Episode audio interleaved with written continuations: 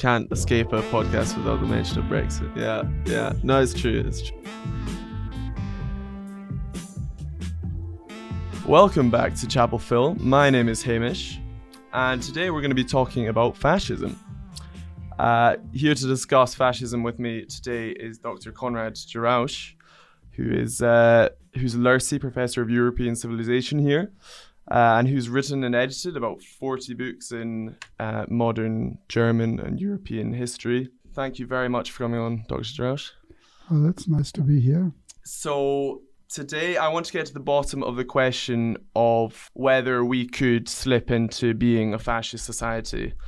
Um, and as I was just saying to you before, I must confess this question is inspired by a crazy big blanket statement my mum made a couple of a couple of months back about us, you know, being susceptible to slipping back into fascism now. And I thought, Mum, you haven't done any, you haven't done your homework. You you've never done history. Please stop saying these things. But to be fair, I need to get some expert advice as well. So that's what we're going to do today.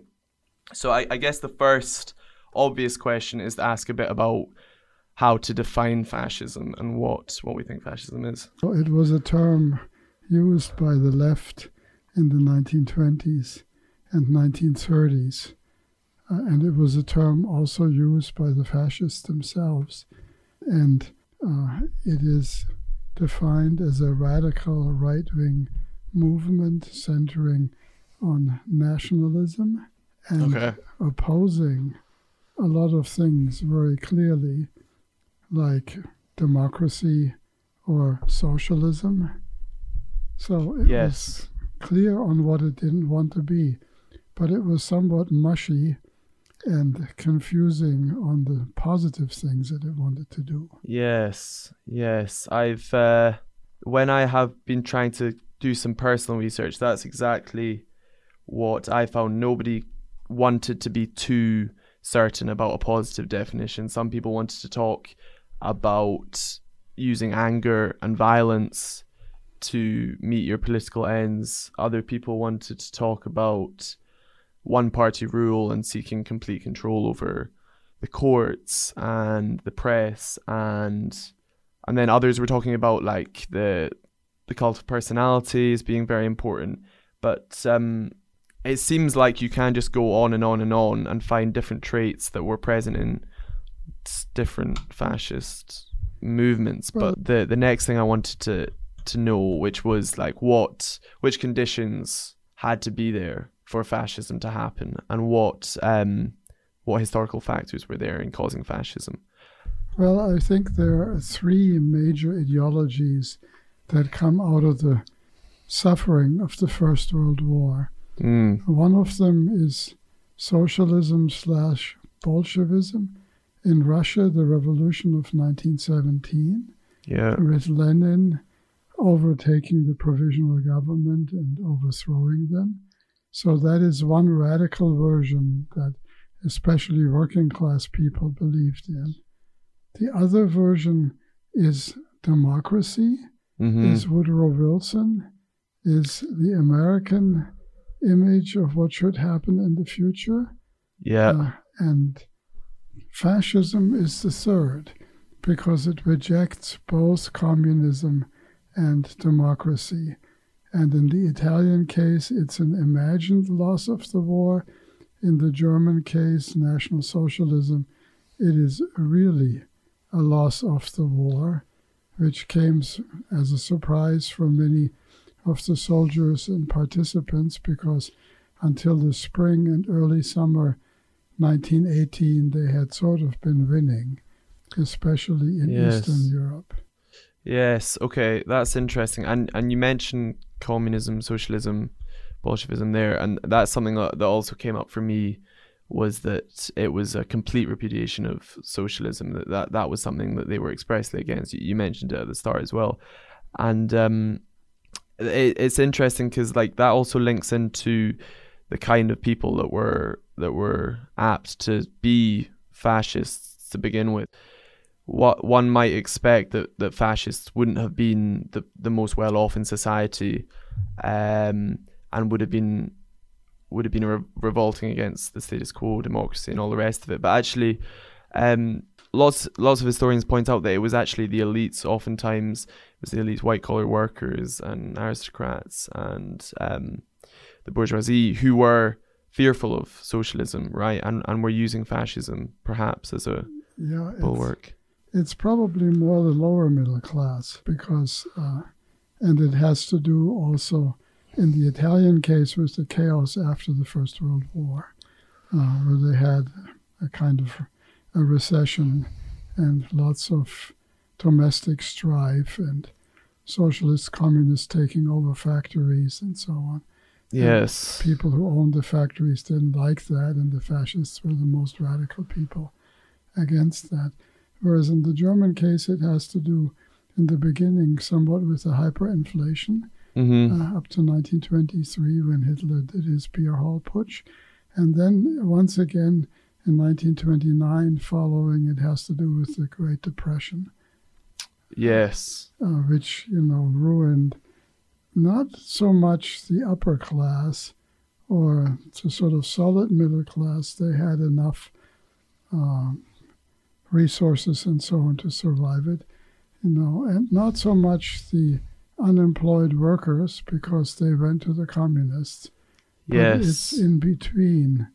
And the lower middle class, the sort of small town business people, artisans, and so on, or the white collar folks in the cities, they felt most threatened because they were afraid of becoming the proletariat.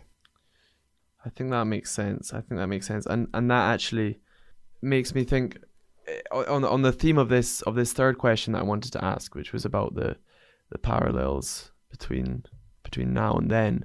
One thing that, especially just following the financial 2009 financial crash, that was one thing that was talked about a lot. Was that will this be will this have similar effects to the Great Depression? Um, and and what could come out of it. And obviously, populism is something that's come out of it now. But um, but but given all of that stuff that you've said, then I suppose my question would be: Do you think that fascism, as you understand it, is something that was that is historical, um, or do you think that fascism in some form or another could could be something that could have happened or or could still happen? Well, I mean, certainly uh, there are multiple meanings of the word, and one meaning of the word is a is a historic movement in Italy. Right. Uh, and then the left used it also to accuse the National Socialists of being fascists.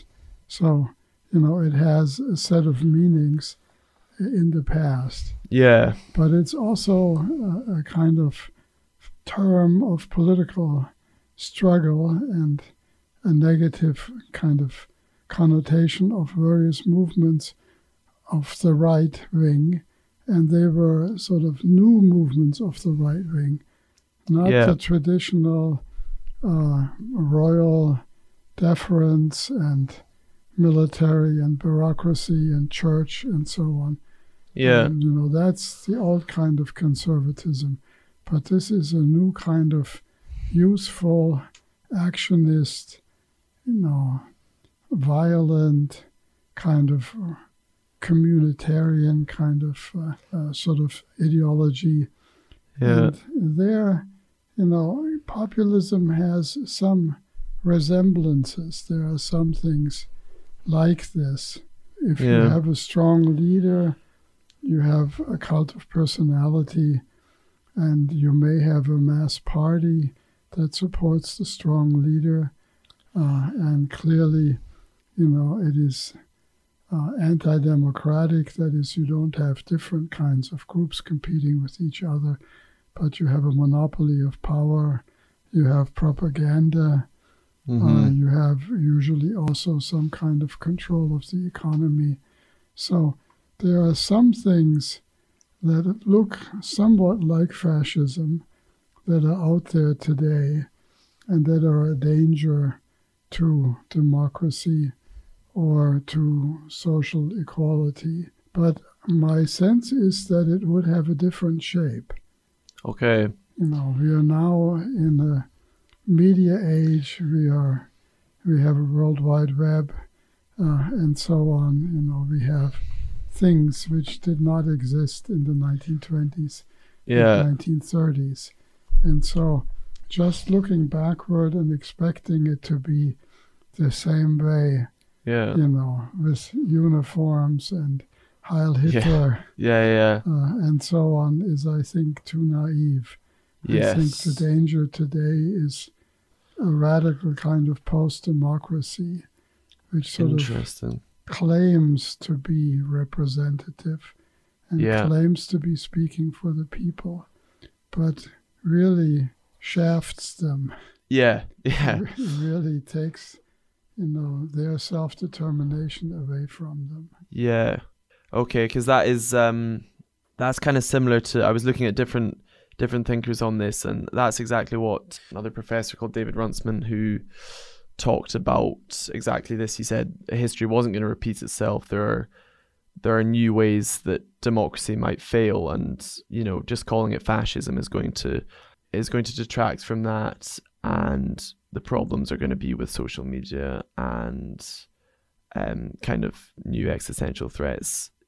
He he also pointed out, which was interesting to me, that um, just in terms of demographics, like uh, he said, populism was a, a young man's game, and that back in the in, in the twenties, um, the median age had been like twenty five ish, and now the median age was about forty five. So just in, in, in sheer demographics, in terms of people going out on the streets and being violent, he thought that that was going to be unlikely now. Um, Well, we can always hope that the young people don't fall for it. yeah, Uh, some of them do. I am not completely optimistic on that one. for sure. But you're right. I mean, it's a more, you know, at least in the United States, it's a more limited demographic of angry white men, Yeah. sort of mid 40s, as you said, of middle age. So yeah, say a little bit more about what you worry about in terms of democracy, in terms of democracy becoming unrepresentative, but still having a facade of representation. Are you thinking about social media there? Are you thinking how how could we move in that direction? Well, I mean, the social media are very important because, you know, what used to be said in pubs uh, and or in small groups and so on now has an enormous audience. Yes. And when you put the stuff out on the web, um, you know, it can be, it can be a bunch of lies. You know, if people don't have the information, or they don't have the willingness to check on statements, Mm. you know, they're easily misled, you know, by appeals that that have to do with their feelings Mm-hmm. um, and I think you know the some of the modern media were just coming online in the 1920s. Radio, for instance, Yep. Yeah. uh, Mussolini was also a very good public speaker, and so was Hitler. Yeah. Uh, and they used microphones, Yeah. you know, be, because before the First World War, you could you had to shout. And Sure. if you had a crowd of a thousand people, the ones in the back couldn't hear you. Uh huh. And so, you know, you need amplifiers, you need microphones, Yeah. you need radio in order to reach into people's home, and you need movies Mm-hmm. because they had not only feature films but also uh, weekly summaries of the news, newsreels that Yeah. were shown before the feature film. And when I was a kid in the 1950s, they were still doing that. And so these were new ways of reaching masses. And now we have on top of it uh, the web. Yeah, that makes sense. So it's a, an amplifier effect, and you're you're reaching more people. Uh, on on the other hand, you might also think that um, given that we are so like globalized now and we're so interconnected, you know, that might be a kind of a balancing effect on on some sort of nationalism, nationalistic ideology, and you know, we we seem to be maybe this is naive, but we seem to be a more uh, kind of educated Uh, people in general. I was involved in uh, in uh, getting started a couple of uh, web-based academic exchange forums, Uh huh. and the young people with whom I was working on this believed that we were going to enter uh, an age of grassroots democracy. Yeah. of course, they had not looked at the website of the IRA uh, Sure. or other sort of groups.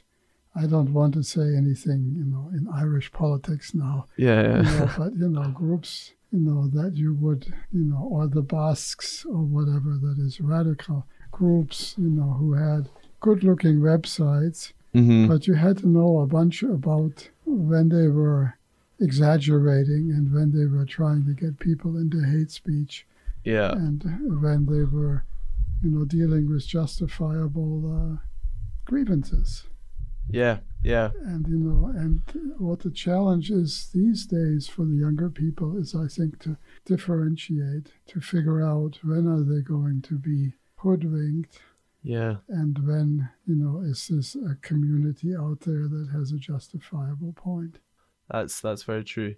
Okay, let let me just for a minute try and um put myself in my mum's shoes, try and imagine that I am trying to argue that we could slip back into fascism. We are slipping back into fascism. We could talk about the US and we could say that the current president has been attack, uh, attacking democratic institutions such as the press and that people seem to be basically complacent. People are just allowing more and more and more infringements on what was considered acceptable. And even even last year with the uh, I think it's the Protecting the Nation from Foreign Terrorist Terrorist Entry Act, which you know banned immigration from seven mu- Muslim majority countries, uh, which was has since been watered down. But that was an example of, or, or that kind of echoed immigration policy the US had at the start of the 20th century, like the 1907 Expatriation Act, which was about kind of, I guess, genetic purity.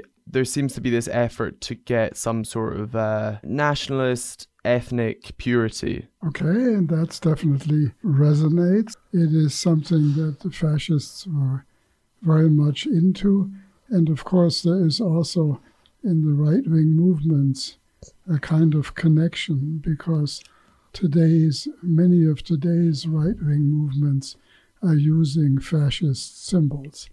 Right. And it never ceases to amaze me that uh, the swastika uh, is the one thing that gets everybody excited. Uh huh. Uh, negatively, of course, those of us who are afraid Uh huh. uh, that it'll come back, but other ones positively. And if you look at what they, you know, smear on the walls of a bathroom, at least on the male side, Yeah. Yeah. you know, it's a swastika, and the hammer and the sickle, of course, is more difficult to draw. Uh, I Yeah. understand that. So, Very- I mean, there is a kind of nostalgia in some right wing groups, hmm you know, and, and SS paraphernalia sells, Yeah.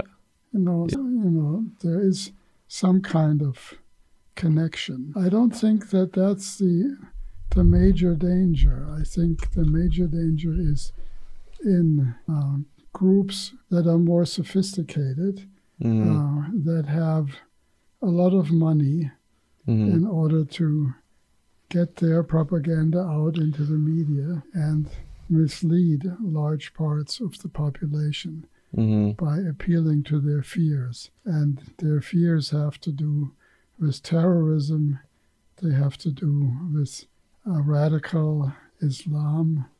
So there's enough stuff out there uh, that makes people afraid. hmm Uh, and if you appeal to those things in a sophisticated fashion, that is, I think, what where the danger is. And I think some of the colleagues in political science talk about post-democracy. Yeah. I think the danger is in something that still retains some democratic forms, but takes away democratic substance. That is a very eerie and scary thought for sure. Post democracy. Yeah. Well, okay. that- that's what I am afraid of. Yeah. I mean, I don't think the skinheads uh, will ultimately take over. I mean, they Yeah. have to be fought. You Yeah. know, that's clear. You can't, you know, leave them free room. Yeah. And, you know, when they start uh, infecting the police hmm and so on, then we are in trouble. Yeah. But I think the other sort of more sophisticated populist propaganda worries me more. Okay. Okay. That is a good place to finish, I think. Um, and perhaps a scary place to finish also. Uh, but Well, um, we shouldn't finish. I think you know the the appeal is to to fight. yeah, that that would have been the much. Yeah, that would have been the better. you have to. Yeah, sorry. We're No. not finishing there. One second. I mean, they don't go away by themselves. Yeah, they don't know, exactly. and the young people, you know, need to be taught, Yeah. you know, correctly, and you know, we have to sort of get, you know, our concerns across, Mhm. you know, so that they don't sort of think that, uh, you know, a certain kind of music, you know, with fascist or neo-fascist uh, words Yeah. and so on is cool and stuff. They have to understand what is dangerous about it. Uh, and then I think on a more sophisticated level in national elections and so on, we have to make sure that candidates win who really are Democrats who believe in pluralism, Yeah. who believe in social equality, who believe in peace, who do not want to make wars all over the globe. Yeah. And it is those kinds of things which we shouldn't take lying down. Okay. Where I'm standing back up. those of us, you know, who are uh, in academe Uh huh. and who are historians have a big responsibility to get across what went wrong Yeah. in the past Yeah. and to make sure that never again these things shall happen. Yeah. Very well said. Um. Well, thank you very much, Konrad. Would you Would you like to promote anything? Have you got any classes, any books, any publications? Well, I mean, now that you ask, I'm teaching a lecture on Europe in the 20th century. Okay. And since fascism is a European invention, Yeah. we spend a considerable amount of time talking about fascism. Okay. Great. I also teach an undergraduate seminar uh, on National Socialism, which is the more evil of the two versions Yes. of fascism. So that is there. Uh, I have just written a book called Broken Lives, Mm-hmm. which talks about young people in the 1920s that ended up being fascists Oh, interesting. Interesting. and what okay. all happened to them as a result of it. Okay. Oh, lovely. I'm ge- I'm being passed this book right now. I have a copy of it Looks here. very very nice. It's based on over 80 autobiographies. Wow. when people look back at their lives and sort of try to figure out what went wrong in their lives. That is that's fascinating. I mean, that could be a podcast in itself. And Um. it's, it's easy. It's easy to read. Oh, okay. Okay. Excellent. It's- Okay. Broken Lives by Professor And Konrad uh, what I am currently writing about is called Embattled Europe, Uh huh. uh, a progressive alternative. Okay. I am writing a book of contemporary history from 1990 on to the present. And it talks about what the Europeans do right in contrast to Americans. And since you are from Europe, you will know some of these things. Although, Yes. of course, they have done some things wrong, like Brexit as well. Yeah. yes. Oh, can't escape a podcast without the mention of Brexit. Yeah. Yeah. No, it's true. It's true. Uh. Okay. Fa- yeah. Fascinating research. Fascinating. Uh. Work coming out. Um. Right. Thank you very much for listening. Thank you for having me. Yeah. Thank you very much for being with us. Thank you very much for listening. This has been Chapel Film.